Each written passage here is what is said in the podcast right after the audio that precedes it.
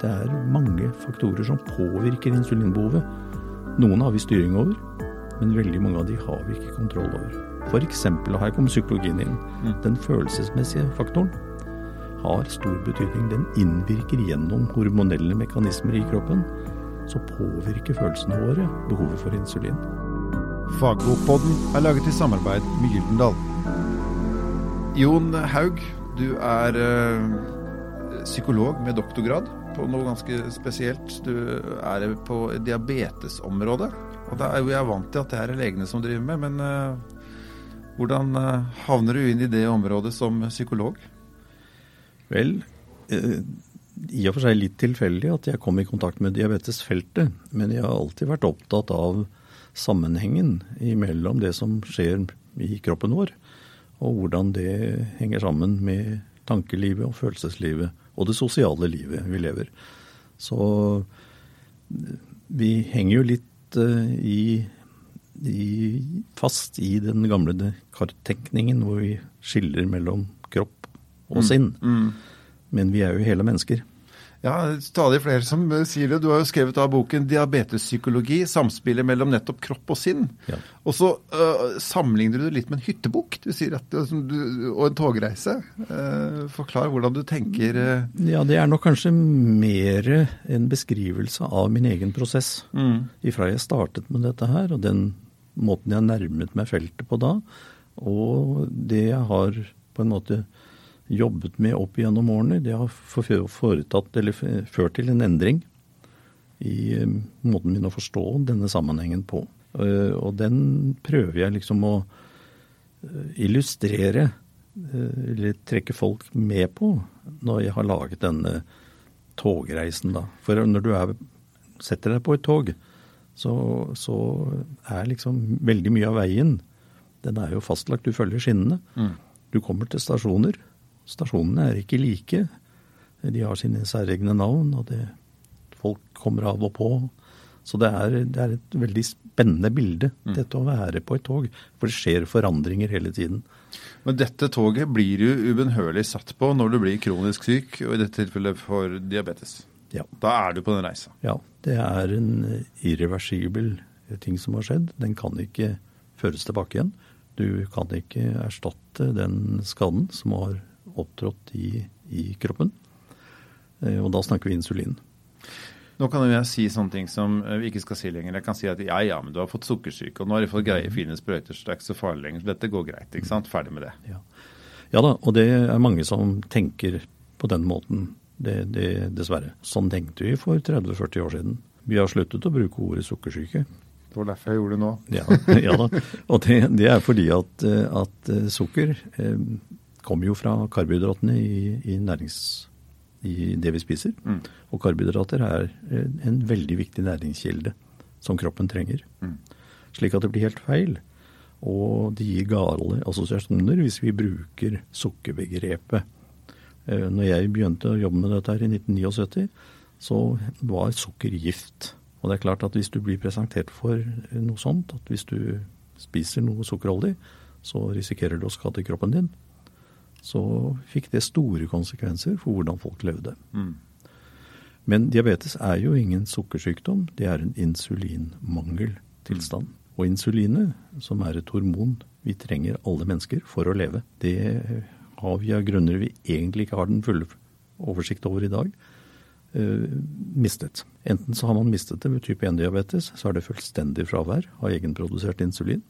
Ved type 2-diabetes så har man fremdeles en restproduksjon, men den fungerer ikke godt nok.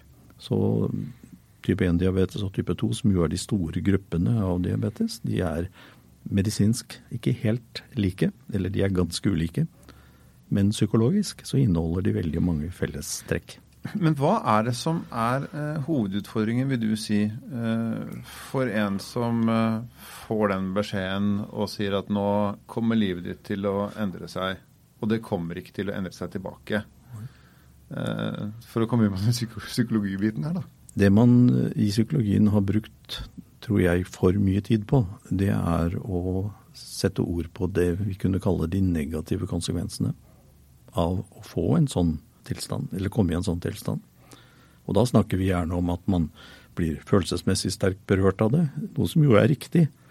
Men eh, det er liksom eh, Det er bare den ene siden av den psykologiske implikasjonen eller psykologiske konsekvensen. Det viktigste det er at vi har evnen til å håndtere denne situasjonen. Ja, Du sier jo at den psykologiske siden av oss er en ressurs. Du. Den er en ressurs, og det er antageligvis det viktigste hjelpemiddelet. Vi trenger insulin, men når insulinet ikke produseres lenger i kroppen, så mister du ikke bare insulinet, men du mister noe som er enda viktigere, og det er det vi kaller reguleringssystemet, som sikrer at kroppen får nøyaktig riktig mengde insulin. Plutselig har du en kropp som trenger hjelp. Den trenger hjelp. Den går ikke på auto lenger? Nei, Nei, det gjør den ikke. Og den hjelpen den trenger, det er faktisk knyttet veldig opp til vår evne til å forstå hva dette dreier seg om. Vår evne til å være motivert for å gjennomføre det hver eneste dag. Håndtere eh, feil som alle mennesker gjør. Men er det ikke sånn at man bare må, da? Jo, du må for å leve. Ja. Må du det. Men allikevel så er Og dette er kanskje en, en utfordring som er litt spesiell for diabetes. Du kan på en måte ta litt dårlig vare på deg selv, Mm. og du lever allikevel. Eh, du treffer ikke presist med det kroppen trenger av insulin eller av tiltak, men eh, du overlever. Og mange av ulike grunner tar for lett på dette her. Og da sitter man på en måte med livet i hendene. Og det er den man egentlig styrer hver eneste dag. Så det du sier er at her må, her må på en måte den mentale siden av deg flytte inn i denne situasjonen på en sånn måte at du er til stede i det du trenger å gjøre som en slags vane? Du må være veldig til stede. Mm. Og veldig mye av dette det dreier seg om å gjøre erfaringer i alle mulige slags tenkte situasjoner. For det vi vet, det er at det er mange faktorer som påvirker insulinbehovet. Noen har vi styring over, men veldig mange av de har vi ikke kontroll over. Eksempel, og her kommer psykologien inn, Mm. den følelsesmessige faktoren har stor betydning. Den innvirker gjennom hormonelle mekanismer i kroppen, så påvirker følelsene våre behovet for insulin. Vi kan planlegge hvor mye vi skal spise. Det kan vi på en måte bestemme oss for. Vi kan også bestemme oss for om vi skal trene. Når det gjelder faktorer vi ikke har kontroll over, så er det bl.a. den følelsesmessige faktoren. Vi kan ikke bestemme oss for hva vi skal føle, for det påvirkes av det vi opplever. Mm. Det påvirkes av det vi tenker, det påvirkes av situasjonen vi er i. Og når vi vet at denne situasjonen påvirker hormonelle mekanismer i kroppen, så må vi også gjøre kjent med hvordan har jeg det i livet mitt? Hvordan reagerer jeg i ulike situasjoner? Hvilke konsekvenser har det for insulinvurderingene mine? Og dette er jo en helt annen situasjon som en person med diabetes kommer opp i, som vi ikke behøver å tenke på, vi som ikke har det. Vi kan jo oppsøke hvilke som helst situasjoner. Det kan være følelsesmessig ubehagelig, men det har ingen kroppslige konsekvenser. Det er ikke truende på noen måte truende på noen noe. Nei, ikke sant. Men du kan jo bare tenke deg, hvis jeg hadde diabetes og satt her og skulle fortsette å snakke med deg, og ikke hadde vært nøye nok med insulinsettingen, Mm. så kunne jeg begynne å snøvle og rote rundt. Fordi at ting ikke fungerte ordentlig, fordi jeg manglet det kroppen trengte. Og det er situasjoner som eh, er krevende og vriene eh, for alle Ja, for det du peker på nå, er jo alt fra liksom eh, holdt på å si lett sosialt ubehag til, til, til en bilulykke, egentlig. Ja. Altså, det er, dette er, Konsekvensen er jo helt Kan man bare, bare la tankene spinne litt, så skjønner man at det kan være alvorlig. Ikke sant? Og det, det sier jo da, eller er jo et veldig, en veldig god indikasjon på hvor viktig psykologien er, og hvordan det kroppslige og det psykologiske henger sammen. det betyr egentlig at vel, du må få insulin, du må få teknisk hjelpeutstyr, men det som er kanskje vel så viktig, det er at du har det godt i livet ditt. Du blir ikke musiker for om du får piano. Nei. Nei, nei, ikke sant? Nei, og du blir ikke Altså, du, du Insulinet gjør ikke at du, har, at du har det bra. For om du har det bra eller ikke, det er ikke Altså, det er styrt av livet. Mm. Eh, Hvis du har en ekteskapskonflikt, står opp i en vanskelighet med den du lever sammen med, så eh, påvirker det både motivasjonen din til å håndtere dette, altså passe på at du får insulin nok, eller at insulinet virker godt nok, men eh, det påvirker også det som skjer i kroppen. Og det betyr at da er det viktig å jobbe med å stabilisere, forholdet. Gjøre noe med ekteskapet. Og det gjør du ikke med insulin. Altså du regulerer ikke bort en ekteskapskonflikt med insulin. Nei, nei. Der er Da det må de som vi- litt vinner eller. Ikke sant? Da må vi jobbe med andre ting. Og sånn er det jo i livets situasjoner. Mm. Så påvirker de kroppen. Det er så krevende, hele denne jobben med å greie å på en måte regulere eh, Få blodsukkeret stabilt og disse tingene. Mm. At eh, det krever mye overskudd. Du må ha mye motivasjon. Du må, ha, du må bruke tid på det. Det er klart mye av dette innarbeides i, van, i et vanemønster. Men eh, det skal ikke veldig mye til av utenforliggende hendelser som gjør at du legger det litt til side. Fordi at de tingene du da står oppi, berører deg mer og er viktigere.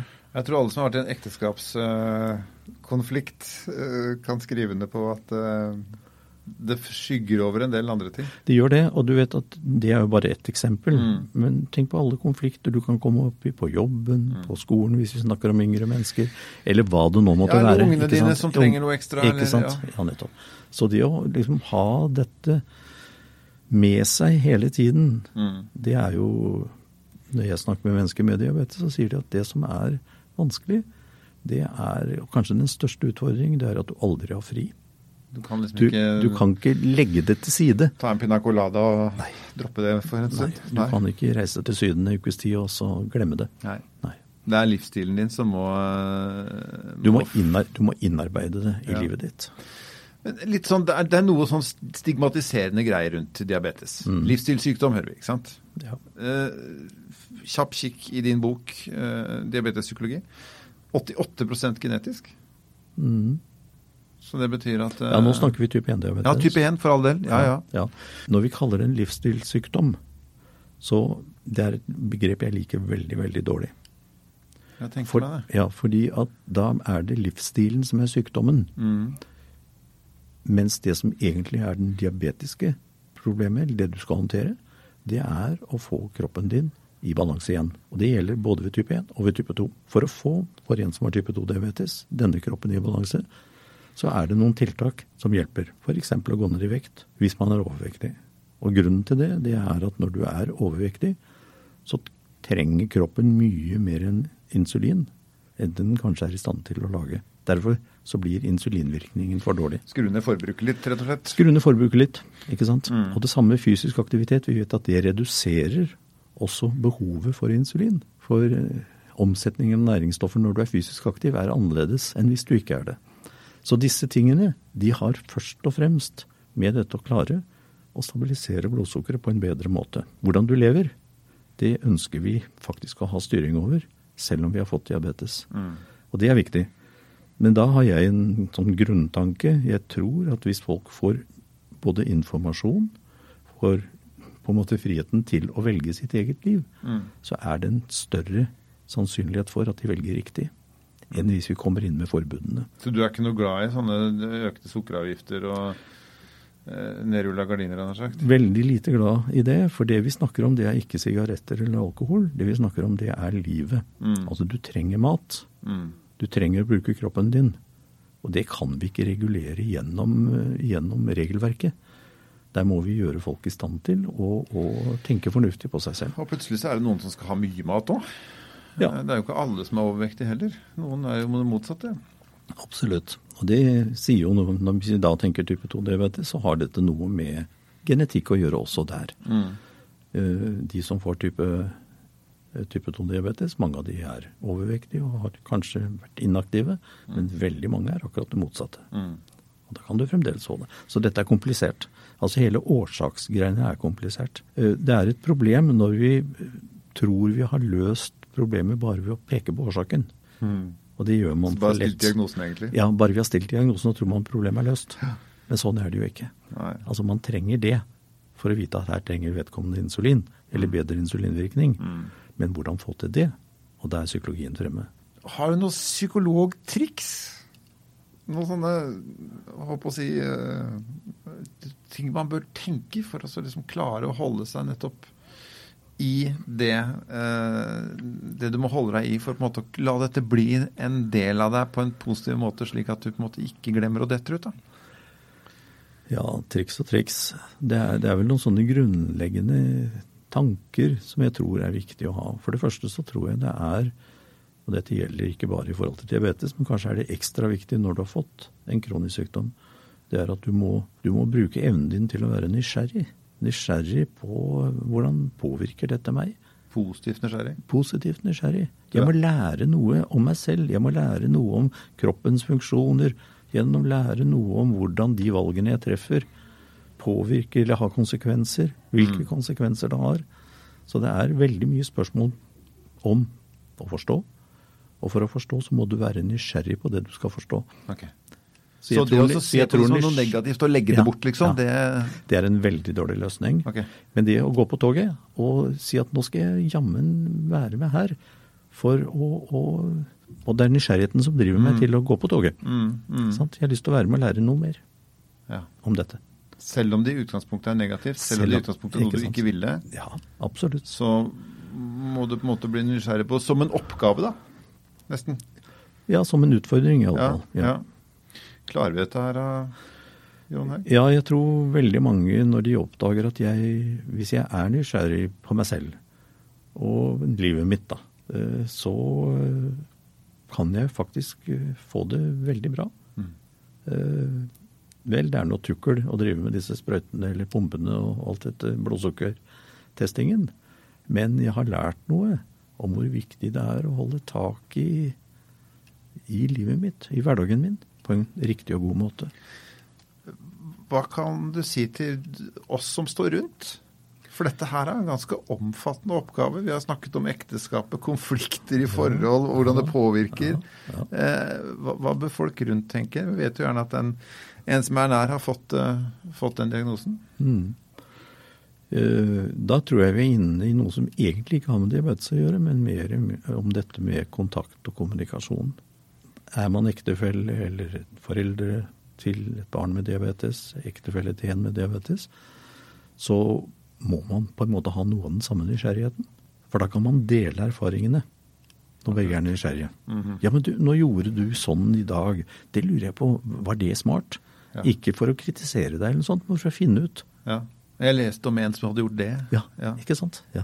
Veldig mye spennende som man faktisk kan dele med den man er, lever sammen med. Går det an, Jon Haug, og uansett, altså, Dette er diabetes, men det er jo mange kroniske sykdommer. Går det an på en måte å jeg skal ikke bruke ordet kurere, men altså, eh, finne koden ved å leve med det.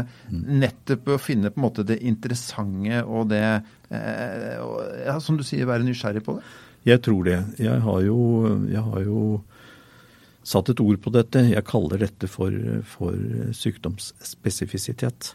Og det høres vrient og tuklete ut. Det høres veldig akademisk ut. Ja, ikke sant. Det er akademisk. ja.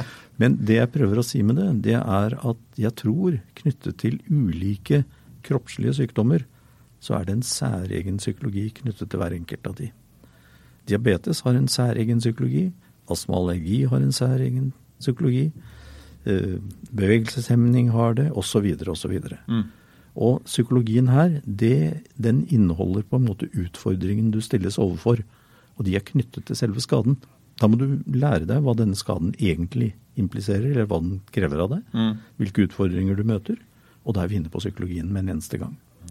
Så jeg tror skal du gi en helhetlig og god beskrivelse, god diagnose, på en måte beskrive en sykdom, en kroppslig sykdom, så må du ha med den psykologiske de psykologiske utfordringene også.